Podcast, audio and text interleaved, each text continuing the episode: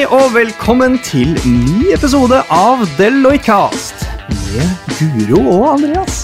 Ja, hallo, hallo! For tredje gang, eh, Guro. Ja, Begynner å bli litt mer komfortabel i stolen her nå. Ja, ja, Litt sånn varm i trøya etter hvert. Det er helt nydelig. Ja, gøy. Ja, Vi skal eh, snakke om noe veldig spennende i dag. da, Blockchain. Ja, Noe Altså- jeg har hørt mange ganger. Ikke helt skjønt, egentlig, for min del. er det noen som egentlig har skjønt sånn virkelig Ja, det er jo, det er jo noen, men altså, dette her er et tema som eh, som er liksom på alles eh, lepper for tiden. Altså, Ja. Altså, det er eh, Det vi jo hører her, er at det er mye mer enn eh, finans. Ja, det er mye mer enn bare kryptovaluta og Ja. bitcoin. Ja, Eh, altså, Helt klart. Eh, men før vi kommer eh, så langt, så skal vi bare dele kjapt hva Ja. vi har eh, drevet med det siste. Hva har du brukt tiden din på? Jo, du, jeg er på et internprosjekt nå som er kjempespennende. Det er innen bærekraft. Det vi gjør, er at vi skal rett og slett se hvordan Deloitte kan bli rådgivere også innen bærekraft. Og da har vi definert bærekraft som alt som er omfattet av FNs bærekraftsmål. Ja. Det vil si helse, utdanning, likestilling, klima, miljø. Eh, alt man kan tenke seg som er bra i Alt verden. som er bra, med, eller Neida. kan potensielt sett bli bra, bra Altså, de. FNs bærekraftsmål er veldig spesifikke, faktisk. Um, og det vi skal jobbe med nå, er hvordan vi skal kunne hjelpe bedrifter i å bruke bærekraft, uh, og da kanskje noen av spesifikke av målene, f.eks. innen klima, til å transformere bedriften. Til å kanskje komme med nye forretningsmodeller, nye produkter, nye tjenester. At vi kan hjelpe til med bærekraftstrategier og rapportering, men da også særlig det å kunne fornye seg, og at bærekraft er på en måte kan bli en, en transformasjon, akkurat som digitalisering. Og, og noe som kan gi verdi på samme måte, er det ikke sånn? Det er absolutt det som er tanken. Sånn Mm. at ikke det her ikke bare er noe som er sånn CSR eller samfunnsansvar på Ja. siden av bedriften, men noe Som man, gjør kan for, man, for å være grei, liksom. Ja. Kun. Ikke sant? Men, det her skal være fordi det er bra for business. Det er Mm. det vi har fokus på i prosjektet. Det er eh, utrolig gøy. Det er eh, spot on i det jeg er eh, veldig Merker at du blir litt engasjert når du snakker om det, så det er, veldig kult. Og du, Andreas? Ja, nei, det er Nå har vi altså levert um, en haug med samlinger i, i dette lederutviklingsprosjektet som vi har eh, laget eh, og designa nå et halvt års tid. Eh, nå har vi endelig, endelig måte levert, da. Og ah, deilig. veldig gøy. Eh, det betyr at jeg tok meg en velfortjent vinterferie. Oi! Eh, og det Ja, var det gjorde du! Du har en lærer uh, Jeg, jeg, jeg, jeg bor sammen med en lærer, Ja. og da blir man påminnet om at eh, vinterferie det er noe som eh, man kan selvfølgelig ta seg. Det er sant. Og det passet fint med prosjektet. Da, så, Hvor dro dere? Altså, vi var på fjell en tur, og så var vi egentlig bare hjemme og slapp. Da. Så Ah, det var veldig veldig ålreit. Um, og ellers, nå er, når jeg kom tilbake nå, så er det greenhouse altså, som gjelder. Um, Hva er det derre greenhouse? det er jo et eh, workshop-konsept, hvis vi kan si det sånn. Altså, det er um, det er et sted og en måte å løse komplekse problemer på på en eh, effektiv måte. Da. Eh, og det er jo selvfølgelig noe mange prøver å gjøre. Så det som, det som vi gjør, da, at vi, vi tar folk inn i et, eh, et spesialdesignet rom for sånne type workshops for, hvor man skal løse komplekse problemer. Da, ting som man vanligvis ville brukt mange måneder på. Eh, vi bruker ganske lang tid på å designe disse dagene på forhånd, sånn at vi vet at vi får de riktige folka inn i rommet, og at vi får stilt de riktige, riktige spørsmålene og gjort liksom, eh, øvelser og sånt på, på en god måte, sånn at vi får ja, komme til riktig output. Da. Eh, bruker typisk én til tre dager på det. Så nå er det flere Ja, jeg skal, de neste ukene så skal jeg ha én eh, sånn lab, da, som det heter, i Ja. Greenhouse eh, hver uke. Så det her er Hvorfor kaller vi det egentlig drivhus? Uh, Nei, liksom til å si det- det er- ideer skal vokse Ja, det er noe sånt, Sånt. og så er det jo typisk veldig altså det, ser, det er organiske, fysiske ting i rommet også, da. Ja, sånn, ja. Så det er noe med, med det også. Ja. Men vi går for den der at det er en grobunn for gode ideer. Ja, Så, ja, la ja. oss si ja det. kult. Nei, så det er veldig, veldig gøy. Um, og ja, jeg tror ikke det er vel ikke så veldig mye mer å si enn en det, tror jeg. Altså. Uh, mye moro om, for dagen. uh, om dagen. Ja. Så da blir det spennende å høre litt mer om uh, blockchain, som dere skal få høre om nå. Yes, så ja, eh, vi høres på andre siden. Vi syns jo dette her ble en ganske spennende episode, da. Absolutt. At uh, blockchain kanskje kan bety like mye som internett. Ja, tenk det. Dette her er liksom det neste store nå etter internett, so they say. Eh, og det ja, skal dere få høre litt mer om nå. Vi høres på andre siden.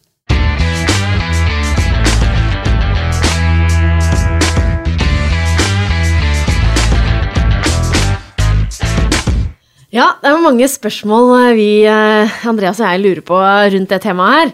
For hvordan vet man egentlig, eh, når man snakker med noen på nett, at de er de de faktisk sier at de er? Og hvis jeg kjøper Fair Trade, hvordan vet jeg hvordan den bonden egentlig blir behandla? Og hvorfor må jeg sende vitnemålet med sånn her rett kopi når man søker jobb? Kanskje er det noen muligheter for at vi kunne fått noe økt sikkerhet og unngå alle disse mellommennene? Ja, for det, dette her er masse sånne caser, litt sånn uh, merkelige caser som vi på en måte i dag må leve med, men som en teknologi som blokkjede faktisk kan kunne løse. da. Eh, og så må vi få svar på hva er egentlig forskjellen på uh, bitcoin da og blockchain. Er det det samme? Uh, er det ikke? Det er det ikke, det vet vi, men vi skal få vite mer om det. Og med oss så har vi Marius Robbestad fra Revisjon. Du er senior der og har jobbet i fem år, inkludert et lite studieår der med, med revisjonsmaster i hva heter det? Regnskap og revisjon. En masterrevisjon og regnskap heter det. Det er stemmer. MRR. Der satt den. Eh, og så har vi med Kirsti Tranby, som er um, partner i uh, ja, consulting og er leder for FSI, altså Financial Service Industry. Industry. Industry. Er Så- viktig. Ja, ja. Så Marius og Kirsti, hvordan begynte dere å interessere dere for uh, blokkjede? Ja, jeg kan jo begynne, jeg. Eh, Min første egentlig, kjennskap med blokkjede og bitcoins egentlig, kom i 2012, eh, da jeg var litt på søkende til et litt eh, innovativt topic for masteroppgaven min. Mm. Så da, kult. ja, så da fant Forut jeg for sin tid. Ja, egentlig, det var altså. ganske tidlig ute der, tror jeg. Ja, det jeg si. Så det var om bitcoin? Bitcoin, ja. Ja. Det stemmer. Eh, og da begynte jeg å undersøke i den oppgaven da, om eh, bitcoin hadde potensial til å fungere som en internasjonal valuta. Det var selve problemstillingen i oppgaven. Ja. Så det var ganske tidlig i uh, historie, Ja, historie, eller? Ja, det her var vel i 2012, og eh, bitcoin og blockchain ble vel introdusert eh, sent i 2008. Mm. Eh, Så det var eh, relativt tidlig. Investerte du noen da, eller? Nei, eh, det burde jeg gjort. Det er godt Så konklusjonen i masteroppgaven var at eh, det var ikke noe grunnlag som en internasjonal valuta. Ja, det er faktisk riktig. Men det som var litt morsomt da, faktisk, var at um, på den tiden der så sto bitcoin i 20 dollar. Eh, og jeg hadde faktisk tenkt å investere 1000 kroner, sånn bare for å ha, kunne følge med litt. Grann. Men da for å kjøpe de bitcoinsene da, så måtte jeg laste opp eh, et kopi av førerkortet mitt eller passet mitt i denne uregulerte børsen. Og da tenkte jeg at eh, det er jo egentlig bare en fin måte å gi bort alle personopplysninger. Eh, Men jeg hadde jo gjort det en del penger hvis jeg hadde satt i noen 1000 kroner, kroner. ja. Ja, ja. Men Hva er kursen i dag? Ja, det kan jeg si. Eh, Så, men det jeg prøver å tenke litt på, da, som trøster meg litt, var jo at dette her var jo en eh, veldig kjent børs som het eh, Gox, og den ble faktisk hacket to år senere. Det er faktisk alle som hadde penger på den børsen, mista alle pengene sine. ah, ok. Så da det er en liten trøst. ut. Ja. Men uh, Så du Ja, ja. hadde faktisk ikke sittet igjen med pengene der? altså? nei, jeg tror ikke det. Mest sannsynlig så hadde jeg nok mista dem allikevel, tror jeg. Nei. Du sa de sto i 20 kroner, var det du sa? 20 dollar. 20 dollar, ja. Nå er de på da Nei, har det bare på NOK her, da, men øh, 80, ja, 83 000. Ja. 84 000. Ja, Kunne vært ja, ja. Det kunne vært en fin reise, det. Men okay, eh, vi du og Kirsti, hvordan ble du interessert i blokkjede? Det er, ikke, det er ikke en så lang historie som Marius sin. Eh, Den er jo en, det er jo en teknologi vi har hatt eh, litt, eh, et våkent øye for, for uh, iallfall i fire-fem år. Eh, som følge av de historiene og de erfaringene man har hatt med, med, med bitcoin. Eh, for egen del så tok det egentlig litt av tilbake i sent 2015, eh, hvor Deloitte i Irland ble etablert som en, vår sentrale lab i Europa. Og hvor teamet der borte begynte å, å tilnærme seg også det nordiske markedet. På bakgrunn av det, og da også mye drevet av bank og finans, eh, og de kundene vi jobber med der, så var det naturlig å, å begynne å jobbe, samarbeide tettere med, med laben vår i Dublin. Så det gjorde at vi begynte å bygge læring og få mer kompetanse også lokalt her i Norge. eh, Og få mer forståelse for hvordan teknologien kunne være med å endre eh, eksisterende prosesser, skape nye ting, og, og hjelpe til for å forbedre ting vi er kjent med i dag. Så den, den laben er egentlig et sånt sted hvor eh, man kan ta med kunder og undersøke hvilke muligheter man har for å bruke blokkjede? Er det ikke? Det er riktig. Det er jo et kompetansesenter, eller det vi kaller Center of Excellence. Så vi har jo et team der på rundt eh, 40-50 mann som er spesialister på blokkjedeteknologi eller eh, DLT-teknologi. Som, eh, Og der kan vi ta med kunder til både for å lære og for å utvikle helt konkrete løsninger. Men ok, vi må bare få det ut av veien. Altså, hva er forskjellen på blokkjede og bitcoin? Det er jo et spørsmål alle stiller seg. Uh, Blokkjede er den underliggende teknologien. La oss bare få avklart det. Blokkjede er en teknologi som på lik linje med all annen type teknologi som vi bruker. Bitcoin er en applikasjon som bruker denne teknologien. Så et veldig enkelt eksempel, hvis vi tenker at en teknologi er den som er inni telefonen din, så er bitcoin den som er applikasjonen som ligger på, uh, eller appen som ligger på telefonen din. Så hva er blokkjede? Hva er denne teknologien? Hva går det ut på? Hvordan kan forklare den på en enkel måte? Ja, Det er jo riktig det som Kirsti sier, at eh, blokkjede ble introdusert som transaksjonssystemet eh, til bitcoins når det kom i 2008. Eh, Og når jeg, altså jeg skrev den oppgaven min også, så var det bitcoin som var det spennende. Men så var det noen smarte sjeler som fant ut ok, hva skjer hvis vi tar transaksjonssystemet til bitcoins, altså blokkjeden, og putter andre applikasjoner på det. Og det var egentlig da ballen begynte å rulle. Så det ble laget først for eh, bitcoin, altså? Det var stemmer. der det Det stemmer. Ja. Bitcoin var den, den løsningen som først brukte blokkjedeteknologi. Mm. er. Du spurte tilbake til spørsmålet ditt hva er det egentlig blokkjedeteknologi er for noe. Og i sin enkleste forstand så er det, kan det jo være en database. Ja, for jeg hørte noen snakke om at det kan sammenlignes litt med Wikipedia, eller? For, altså, fordi at du kan på en måte en, Alle kan endre, mm, og man kan se endringshistorikken, men så eh, Men problemet men er jo ikke at- helt likevel. Forskjellen er jo at med bitcoin så Eller bitcoin, herregud, hør på meg, da. Med, med blokkjede så må alle være enige i endringen. Ja. Er ikke det riktig? Det er riktig hvis du skal gjøre en endring. Så sammenlignet med Wikipedia, som du faktisk kan endre, så kan en blokkjede ikke endres. Det som ligger på blokkjeden, det ligger der, Ja. og er ikke mulig å endre. Så det man kan sammenligne med, er en enkeltdatabase som, er, eh, som man bruker kryptografi for å gjøre den ekstremt sikker. Og, og vi kan godt gå ned i en sånn teknologidiskusjon om hvordan denne faktisk bygges opp, og hvordan algoritmen bygges, og hvordan hersene bygges. Det skal vi ikke gå inn på. Men poenget er vel at eh, den, eh, hvordan man kan bruke teknologien, og det er primært tre bruksområder. Og det er jo det at man kan overføre verdi, sånn som man kan gjøre med bitcoin. altså man kan Transaksjoner, hva som helst av verdi. Eh, Man kan også bruke det i lagring av data, og dele denne dataen som man da lagrer.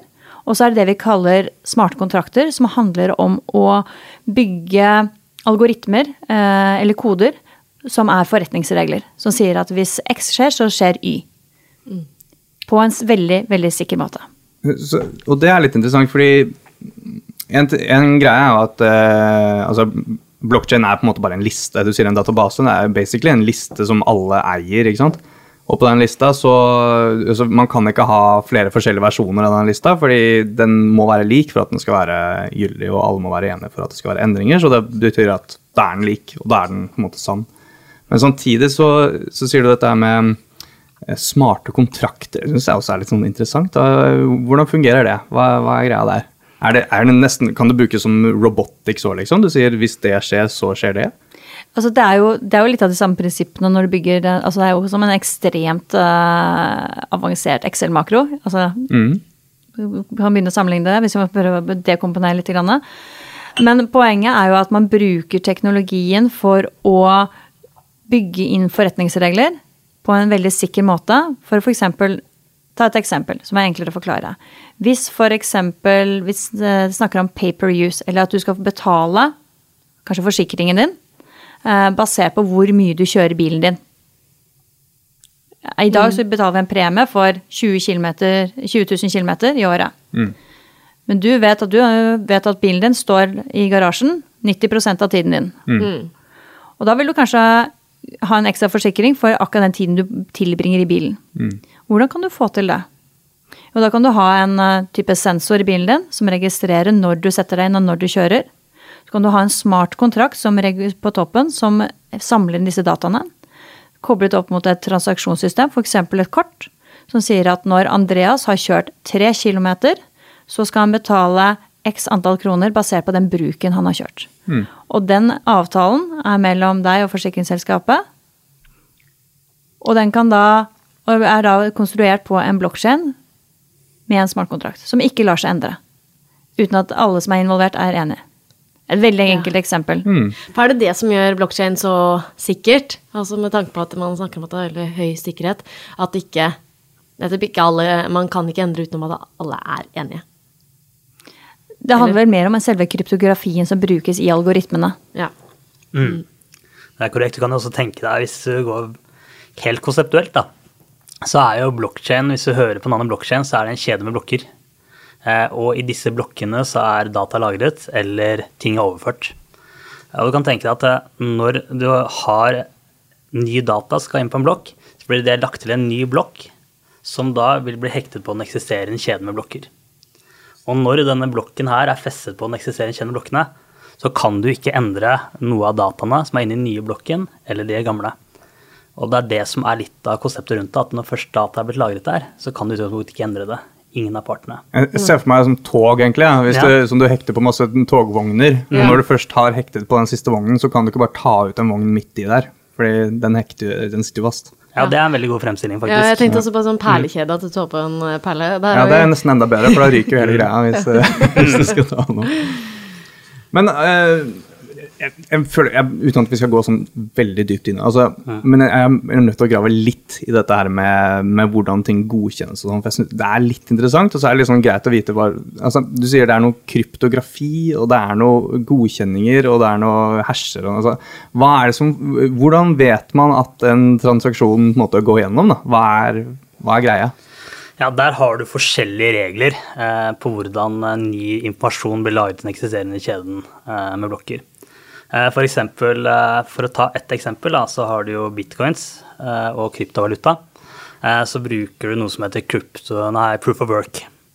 Og det vil si egentlig at du har egentlig en konkurranse mellom forskjellige datasentre rundt omkring i verden som konkurrerer med å finne den riktige hashen, som kan si det riktige limet, for å feste den nye blokken med informasjon til den eksisterende kjeden med blokker. Og det limet, hvis du sier at det er et lim, da, hvis du tenker på den måten her, så kan du tenke at den forandrer seg eh, for hver blokk som er laget. Og det samme limet vil aldri bli lagd igjen. Så de sitter der og tygger på matematiske problemer for å finne dette limet, og så er det én som vinner denne konkurransen.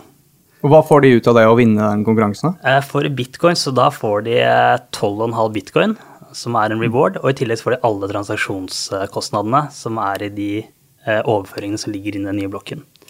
Og det er en veldig energikonsumerende løsning. Eh, Du ser jo at eh, det er veldig mye kritikk mot f.eks. den metoden, ettersom at eh, jeg tror datakraft blir brukt til å mine bitcoin, som det heter, er nå på samme nivå som totale energiforbruket i eh, Danmark. Ja, det har jeg også hørt. Så det, er veldig krevende, og det er ja. løsning. Men, Men det går på bitcoin, så det, Det trenger ikke være for Nei. eh, Det er en viktig avklaring òg, for det er, mange Ja, som, for- eller det er noen som begynner å snakke om ja, men blokkjede er ikke det dumt, da, for det bruker så mye energi og sånn. Det er sånn. helt korrekt. eh, Og, da har du Og det er bare bitcoin. Det er helt korrekt. ja, Men ikke for blockchain. Nei, det kan du egentlig bestemme litt selv hva slags eh, sånn mekanisme du vil ha der.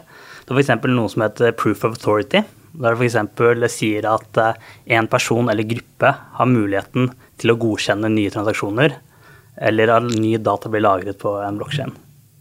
Eh, Det kan være en predefinert gruppe, og så har du også noe som heter proof of stake. Det kan f.eks. den som sier, hvis det går tilbake igjen til verdier, da, den som sitter med mest verdier i den kryptovalutaen, eller eh, aksjer eller hva det er for noe, den har også anledning til å godkjenne nye blokker. Så det er litt opp til deg selv hvordan du setter opp en sånn løsning. Mm. Det kan være, de Reglene er, eh, er forskjellige. Så eh, Jeg har et helt eh, konkret eh, eksempel. Eh, altså, Da jeg ut, eh, gikk, gikk ut fra BI, tok eksamen der, så fikk jeg jo da et vitnemål. da, Et papir, et printa papir, som var liksom beviset på at eh, ja, Andreas, du har bestått, og du har faktisk gått disse årene på BI. Eh, og når jeg da skal eh, ut og søke jobb, så må jeg da ta med meg dette her til banken eller en eiendomsmegler eller tilbake til skolen og, og få et stempel som det står rett kopi på. Fascinerende løsning. Da, Ja. Og så har man også lest i avisa om, eh, om de som har klart å fake eller jukse og lage seg et Jeg kan ikke se for meg at det stempelet skal være så forbanna vanskelig å fake, nei. Eh, Eller en underskrift, om det skal være det. Altså, Hvordan kunne blokkjeden gjort den prosessen der bedre? Det vi kan si, er at vi har jo um, alt som har av registre. Alt som har med, dette har med dati, datalagring å gjøre, som var et av de områdene som, eh, som blokkjede kan brukes til. Så hvis vi tenker på alt av registre, enten det er vitnemålsregister, vandelsregister, eiendomsregister, hva som helst av register, eller pass, folkeregister? ja, ID, ID-registeret, førerkortsregisteret. Dette er jo informasjon som i dag som er lagret i proprietære databaser, gjerne innenfor offentlige virksomheter, eh, universiteter, høyskoler og tilsvarende. Altså at en, det er én eier av de dataene. Én eier av det.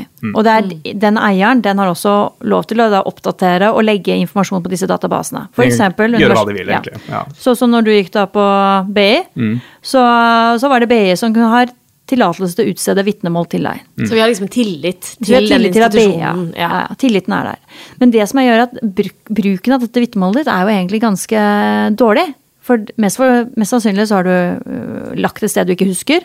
øh, Og hvis Ja, ja. du er heldig på at du finner det, så, så er det en forfatning som ikke egentlig egner seg til å sende noe som helst sted. Mhm. Uh, og hvis du skal kontakte BI for å få et nytt et, så er det også en litt sånn slitsom prosess. For da skal hvem, hvem i hulse skal du ringe til, og så skal jeg sende mail. Ja, du må jo faktisk betale for nytt vitnemål, som jeg også har gjort. Typisk. Ja. Så løsningen som, som kunne så en, en, altså Et type use case som man ser, da, eller et løsningsområde, er jo på en måte bruke, legge denne type vitnemål på en blokkjede. Hvor BI har en rett til å på en måte laste opp eller på en måte skrive da, legge til ny informasjon på denne blokkjeden. Hvor du er en bruker. Det betyr at du ikke har mulighet til å gjøre noen endringer, men du har, du har rett til å bruke den. Og du kan også da distribuere den. Det som er interessant, er at man begynner å ta dette litt i et litt sånn større bilde. altså jeg tenker, ok, Hva man vil kunne ta på, hvor stort kan dette økosystemet være? da? Hvor kanskje vi som borgere eh, står i midten? Hvor mange papirer og sånne type vitnemål-lignende ting er det vi bruker i hverdagen? Som vi gjerne skulle hatt informasjon om? Som ligger i proprietære databaser rundt omkring i Norges land? Eller i en Eh, arkivskuff. Eller arkivskuff. Så er iallfall ideen at dette er informasjon som kunne bli lagt på en blokkjede.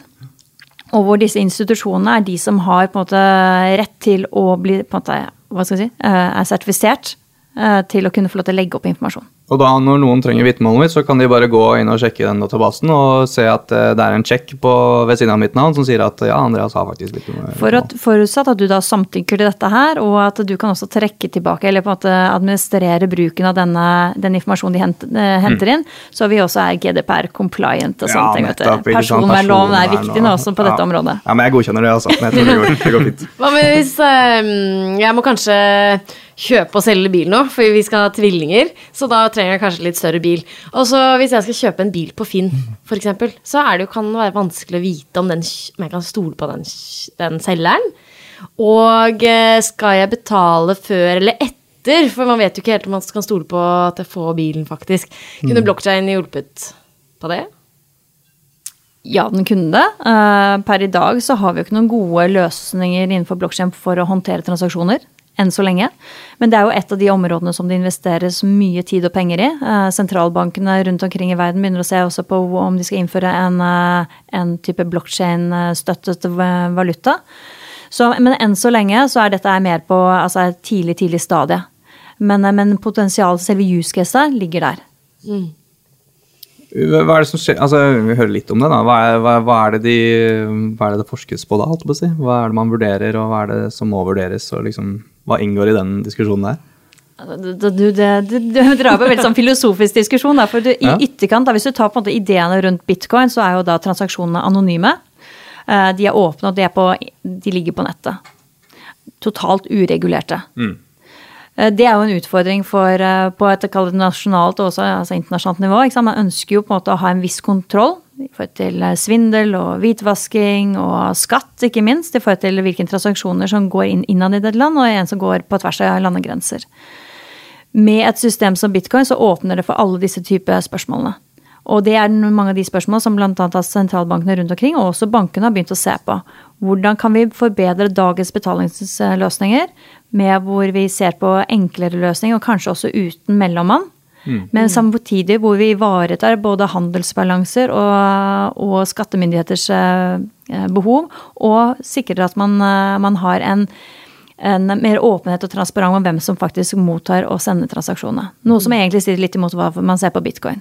Fordi, ja, eller Altså, det er jo Det der med mellommann er jo også en sånn ting som dukker opp. Altså, bit, altså, ja, bit, Bitcoin er jo Jeg holdt på å si, veksle det igjen, da. Men altså, bitcoin er jo en, eh, en valuta som på en måte de, de, skal ha full desentralisert altså Ingen mellommenn i det hele tatt. Men det fins jo også løsninger med, med blokkjede og krypto eller valutaløsninger eh, med mellommenn. Så det er liksom Det er jo mye Vi er i den spede begynnelsen fortsatt, så det er klart, man har jo ikke det er jo enn så lenge en umoden teknologi som vi, handler, som vi, er i en fase hvor vi lærer mye. Uh, og vi sier jo at uh, teknologien vil på en måte booste eller nå sine kanskje høyde om 35 år. Mm. Men vi vet jo ikke.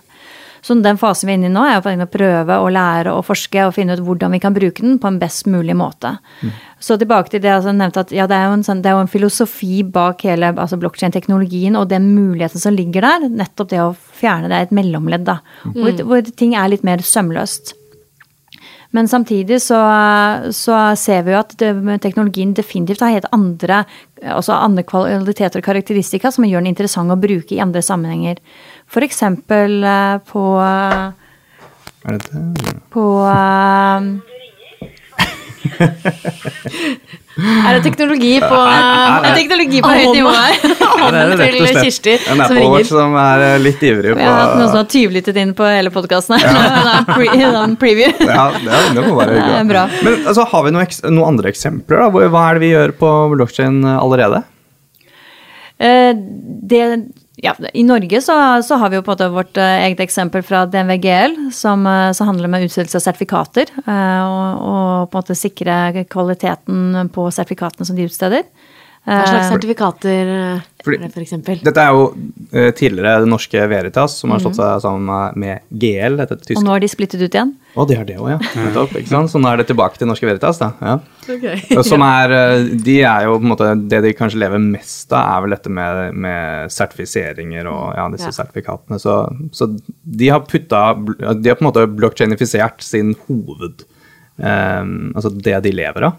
Er det det du sier? Ja, blant annet altså, på sertifiseringene mm. sine. Så det handler om å utstede sertifikater. Og, de er jo, og, og DNV er jo en organisasjon som, eh, som er en tillitsorganisasjon.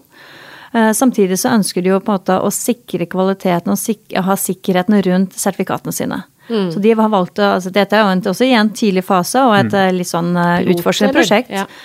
som er live i dag.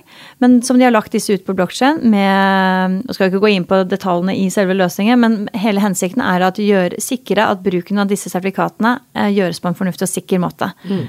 Og opprettholde tilliten til DNV og deres tjenester. Mm. Mm. Men det er jo mange andre bruksområder som, som, man, som, man, leker med, og på en måte som man har tanker rundt. Det er jo f.eks. Um, innenfor uh, et område som har med logistikk, og det som går på supply chain. Hvordan ja, uh, for f.eks. Mat, matvarebransjen, matsikkerhet.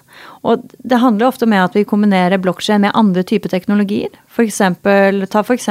fisk. Fisk er ferskvare. Mm. Hvordan kan dere som forbrukere, eller vi som forbrukere, være sikre på at den fisken er så fersk som den faktisk sies å være? Mm. Ja. Nå legges det jo sensorer inn i fiskefôret, så fisken spiser disse sensorene, og vi kan trekke de og følge de. Denne informasjonen kan lagres på en blokkjede. Mm. Og så kan den liksom vises på emballasjen når jeg går i butikken? Ja, eller når du går i disken, og så ligger ja. den der, og så får du all informasjon på hvor den kom fra, hvilken temperatur den har vært igjennom, mulig temperatursvingning på en type reise, den type ting. Hmm. Det er litt kult, da. Ja, det er veldig kult. så får du et sånn, liksom rødt merke når skannerne er sånn her, ikke kjøp denne her, liksom. Denne ja. her har vært for varm. Den har faktisk uh, vært 20 dager gammel og hatt temperatur opp i 25 grader. Ja. Eller Fairtrade-kaffe, som vi nevnte helt i starten av episoden. Mm. At du kan kanskje få informasjon om, enten hvis det er mat da, eller kaffe, at hvordan bøndene har, fått, har blitt behandlet. Eller kanskje hva med hvis jeg kjøper et klesplagg, mm. kan jeg vite om det har vært barnearbeid, kanskje? Absolutt. Det er, altså, det, her er liksom, det er jo egentlig bare alle mulige ideer hvor det handler om å skape tillit, og at vi som da, i dette eksempelet, forbrukere, får tillit til produktene vi kjøper. Mm. Mm. Og at de, de, som da selger eller de som tilbyr en tjeneste, faktisk er de de sier de er. Og nå, Marius, hvor, hvilke områder er du mest gira på å se bruk av blokkjede? Du, jeg tror faktisk at akkurat det eksempelet du nevnte der med matsporing, eh, at det er et, veldig god applikasjon for blokkjeden. Eh, det går også litt ut på eh, som du sier, fair trade og kaffebønner, og også f.eks. T-skjorter og klær og sånn man kjøper i klesbutikk. At du har en større sikkerhet da, for at de varene du kjøper og maten du konsumerer, at det kommer derfra, som du sier at det er fra. Mm. Og den store sikkerheten ved å bruke en sånn blokkjede-databasestruktur der, er jo at i utgangspunktet så vet at ingen kan tukle med historikken eh, i den loggen fra der den T-skjorten kommer fra, mm. eller fisken. Og det gjør jo også som jeg tror at oss som konsumenter også får et kanskje bedre forhold til eh, ja, Vi blir mer observante på at det er viktig hvor maten vår kommer fra, når vi faktisk mm. kan se det. At vi ser at det kommer fra det slakteriet som uh, kanskje også stiller høyere krav da, til at mm. dyrevelferd og slike ting. Ja. Og, og da kommer vi inn på det området som handler om datalagring, og mm. på at vi har tillit til dataene hvor de kommer fra. Så, og, og, du nevnte også innledningsvis dette her med kall det um, veldedighetsorganisasjoner. Hvordan kan du sikre når du gir penger til, en, til Redd Barna eller en eller annen veldedig organisasjon, hvordan vet du at pengene dine kommer frem til det formålet som du mm. var, eh, tenkte at mm. her, eh, dette vil jeg gjerne støtte?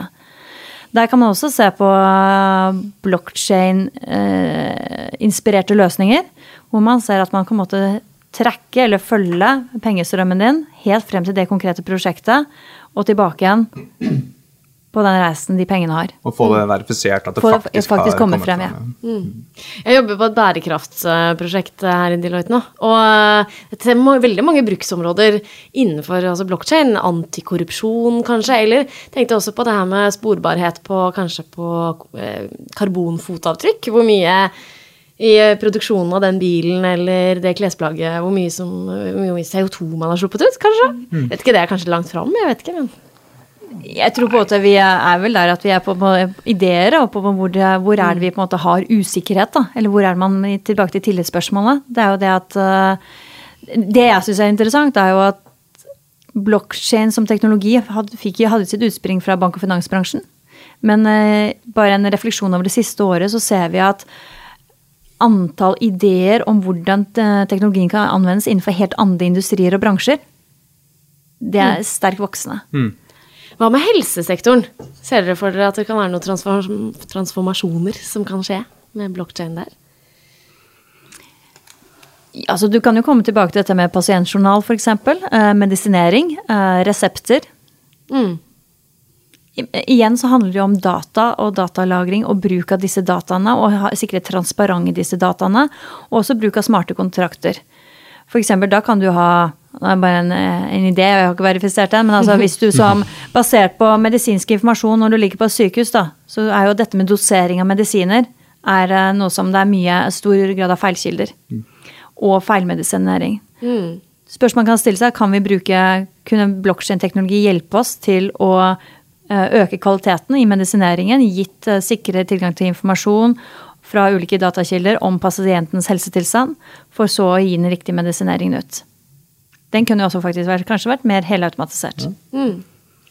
Det diggeste hadde vært hvert fall om jeg slapp å, å, hente ut noen resepter. Nå har jeg i hvert fall fått noen elektroniske resepter her og der, men eh, jeg klarer ikke Ja, men eh, jeg vet ikke, jeg stoler liksom ikke helt på at det er overalt. Det er, det er noen som ikke Jeg vet ikke helt. Det, fin, det, finnes jo løsninger for det nå. Ja. Men, det ikke, men, selv om vi på en måte har piloter gående, så er det jo ikke alt som er eh, implementert ute og er tilgjengelig for oss vanlige dødelige. Nettopp. Men eh, du nevnte jo eh, bank og finans. Vi må litt innom det, hva som egentlig skjer der. fordi eh, Er det en bransje som virkelig holder på, altså som står midt i en disrupsjon pga. bl.a. blokkjede, så er det jo bank og finans. Hva, er det som egentlig skjer der nå? Altså, vi snakket litt om valuta og sånn, men hva kan det egentlig bety for banker? På kort sikt så tror jeg ikke det kommer til å bety så veldig mye. På et lengre sikt så har det et potensial til å potensielt dramatisk endre bakenforliggende infrastruktur, spesielt på det som går på verdioverføring. Uh, nye Nettopp fordi man ikke trenger dem som mellommann lenger? på en måte? Ja, altså du kan jo se på at uh, internasjonale betalinger, en nye løsning for det bl.a. I dag bruker vi Swift og andre altså effektive, gode løsninger, sikre løsninger som vi har brukt i mange år. Men uh, hvordan, spørsmålet er jo hvordan kan vi bedre det enda mer? Mm. Uh, og så har du jo uh, innenfor bank og finans så har du en del uh, manuelle tid, altså, tidkrevende prosesser. Papirbaserte prosesser, f.eks. innenfor trade finance. Det er jo et av de områdene hvor vi nå på en måte vil se løsninger. Hvor bankene faktisk tar det i, i bruk selv? De kommer, de kommer, til å ta det i bruk selv. Mm. Uh, og bankene vil uh, på enkelte, uh, I enkelte sammenhenger så, så, samarbeider de også. Så de har jo et konsortium sånn som R3 som samarbeider om hvilken kall det mer som bransjeløsninger som de skal komme med. Men, eh, men inntrykket er likevel at eh, det er andre bransjer om dagen som, eh, som har, eh, altså sier jeg, har økt interesse for blokkjede sammenlignet med bank og finans. Bank og finans har liksom vært gjennom litt sånn, litt en, en boom-periode med mye informasjon og mye diskusjon om, om bruk av blokkjede. Både inne som en egen um, asset-klasse, men også som på transaksjonssiden. Men det har roet seg litt. Grann. Betyr Jeg får inntrykket mitt, da. Nei, rote seg i den grad at det, de, mm, Altså det er fortsatt mye som kan gjøres, men, eh, men de er kanskje den blant de mest modne bransjene på det, eller? Det er masse som kan gjøres, mm. men det er også mange kall beskrankninger inn i markedet. Eh, Det er mye eh, regulative hensyn som skal tas. Det er mye sånn interne godkjenninger. Mm. Compliance-utfordringer. Eh, Vi har også et eh, lovverk i de enkelte landene som ikke nødvendigvis alltid støtter at man kan ta i bruk den teknologien. Så det er, det er- mange ting man skal tenke på. Så, så det resulterer ofte i at problemstillinger blir for komplekse og, og altomfattende på det stadiet vi er per i dag. Ja, vi, vi lurer på, altså Er det noen risikoer?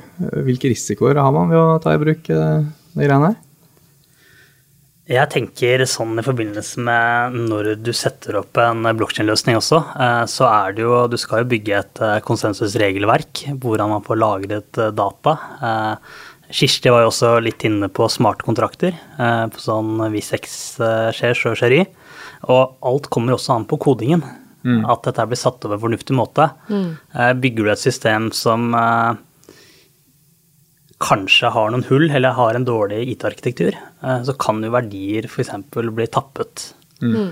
Eh, For eksempel, vi så jo det med et Ethereum-prosjekt som eh, i sin tid Ethereum er altså én kjent som kryptovaluta. ja, som på den tiden var det største crowdfundingen som noen gang ble skjedd i hele verden. Eh, Der eh, hele konseptet var at eh, du kjøpte deg inn i, i et prosjekt der dere skulle stemme over investeringer. Noen kunne komme med en investering at vi skal investere i et f.eks. en, en eh, forretningside. Eh, og så ble det en avstemning, eh, og flertallet, hvis alle flertall sa at vi skulle investere her, så gjorde vi det. Og da var koden, da, eller kontrakten vi skrev da, for å bli med eh, i denne løsningen, det var egentlig kodingen av selve programmet. Mm. og det som skjedde, da, var at det var en smart Det var en som fant et hull da, i kodingen og begynte å tappe ut penger fra dette her crowdfunding-systemet. Oi. Og da var det mange hundre millioner eh, som ble borte. Og da var det spørsmålet ok, nummer én, de som tapte penger, eh, har de noen sjanse å få tilbake pengene sine? Og nummer to, var dette faktisk ulovlig hvis kodingen var kontraktsvilkårene? Ja. Ikke sant? Men dette her er jo et helt annet eksempel, for dette her er noe Hvis, som er hvis, hvis kodingen er kontrakten, så bryter du ikke kontrakten hvis det er et hull i Ja. den. Dette her var et eksempel helt på siden på å se på det ytterste, men eh, i alt, dette her er jo IT-arkitektur. Og hvis Ja. det er dårlig IT-arkitektur som er bygd rundt blokkjeden-løsningen, så kan det være svakheter. På lik linje med andre prosjekter eh, Riktig. helt utenfor blokkjeden, på en måte. Ja. Det kan være dårlig IT-arkitektur. Ja. Ok. Men hva hvis, eh, hvis noen eh, organisasjoner der ute har lyst til å ta i bruk uh, blokkjede på en eller annen måte? da? Hvis du, ser, eh, hvis du har hørt noen av disse ideene, tankene her, eh, hva kan man gjøre? Hva, hva trenger man å eh, Ja. Hvilke kompetanse trenger man, man, og hvor begynner man? Ja, hvor liksom? begynner man, Ja. Jeg tror uansett det viktigste er at, eh, som man alltid må gjøre, er at man skal aldri ta en teknologiinngang. Først skal du også definere problemet som du skal løse. Være tydelig på problemstillingen, eh, og gjerne også ha en idé om eh, hva den eh, beste løsningen vil være. Uavhengig av hvilken rammebetingelser eller begrensninger du potensielt ser. Men i en ideell verden, hvordan vil dette sett ut? Så kan det være at ok, blokkjede kan være en av de teknologiene man da skal vurdere. Blokkjede står sjelden alene som teknologi, den er gjerne i kombinasjon med andre teknologier. Som vi nevnte, IOT-type teknologi, altså sensorteknologi, som er for å hente data. Uh, Blokkjede løser ikke problem, problemer knyttet til datakvalitet. Det gjør den ikke. Nei, så du må kanskje løse noen grunnleggende problemer i organisasjonen først, og så kan man liksom ta steget videre. Så når, hvis du har en idé, da, som du tror kanskje blokkjede kan være et, ha potensial for, så er det jo bare å kontakte oss. ja. Eller snakke med noen som, kan, eh, som kjenner litt om teknologien, og, se om det, og også bruke nettverk der ute. Det som er bra med blokkjede og blokkjede-miljøene rundt omkring i verden, syns jeg, er jo er jo at uh, man er, er, transparente, man er åpne, og man ønsker å dele og dele erfaring. For dette er ja. tross alt så umodent ennå. Det, er, det er ikke noe eksplisitte svar, det er ikke noen fasiter ennå. Alle er der ute for å dele og lære og skjønne mer og hvordan vi kan bruke det. Det er kult. Og det, er en dugnad, liksom. Ja, det er litt sånn uh, Og man, man ønsker å ha transparent rundt det. Og så er det jo det at det er jo en teknologi som som får uh, mye oppmerksomhet. Uh, bare se på siste møte nå i Davos på World Economic Forum. Den får jo At en teknologi i seg selv får så mye plass på agendaen som blokkjeden gjør, det er jo et interessant å se på. Mm. mm. Det, og det gjør jo at det, har vært investert milliarder av kroner uh, globalt gjennom de siste årene. Og jeg tror heller ikke, det er ikke noe som virker som at det kommer til å avta med tiden. Altså, hva var siste teknologien det skjedde med? da? Altså, det må ha vært internett, liksom? Ja, vi snakker om internett. Det er det ja. vi sammenligner med. Og det er jo helt utrolig. Altså det, det, er også litt av grunnen til at vi tenker at nei, nå må vi søren ha en blokkjede-episode snart. Her, fordi dette her er ikke noe vi kan sitte og se på fra side Nei, jeg tror på at det er viktig, at det er en teknologi du skal følge med på. Og så tror jeg at det er to, liksom, litt to forskjellige diskusjoner. Én ting er på det som går på kryptovaluta-biten, som er liksom et litt eget spor. Og så er det all den andre bruken som går rundt datalagring og smarte kontrakter. Mm. Og andre verdioverføringer. Mm. Så selv om ikke du investerte i eh, bitcoin den gangen for lenge siden, Marius, kanskje vi nå burde investere i noen blockchain-selskaper? Noen startups eller noe sånt? Det tror jeg er en veldig god idé. Hvis vi klarer å identifisere de som kommer med den eh, store nye løsningen, så er det veldig spennende å følge med på hva som skjer der. Ja. Et lite eh, investeringstips på slutten her. Altså. Kanskje vi skal ha en egen investeringsepisode snart. Ja, ja. Nei, kjempespennende å snakke med dere begge to. Tusen takk for at eh, dere kom. Takk for invitasjonen. Takk, takk. Takk for at du hørte på denne episoden av Deloitte-kast. Eh, og hvis du likte denne episoden, eh, så er det jo veldig hyggelig om du har lyst til å dele den med venner og kjente eller kollegaer eller medstudenter. Det setter vi veldig stor pris på, og veldig gjerne også en liten anmeldelse på iTunes. Det, er, eh, ja, det, det har vært supert. Og hvis dere har noen knallgode ideer til nye temaer som vi burde snakke om, så send oss en mail da, til podcast at deloitte.no. Helt riktig. Det, altså, det har vært uh, veldig kult om dere sendte inn noen forslag. Vi får inn en del og bruker uh, mange av de. Så det setter vi veldig stor pris på. Uh, send også gjerne ris og ros til samme mail. Det er veldig hyggelig å høre. Så med det, takk for denne episoden av Deloitte Cast, og vi høres.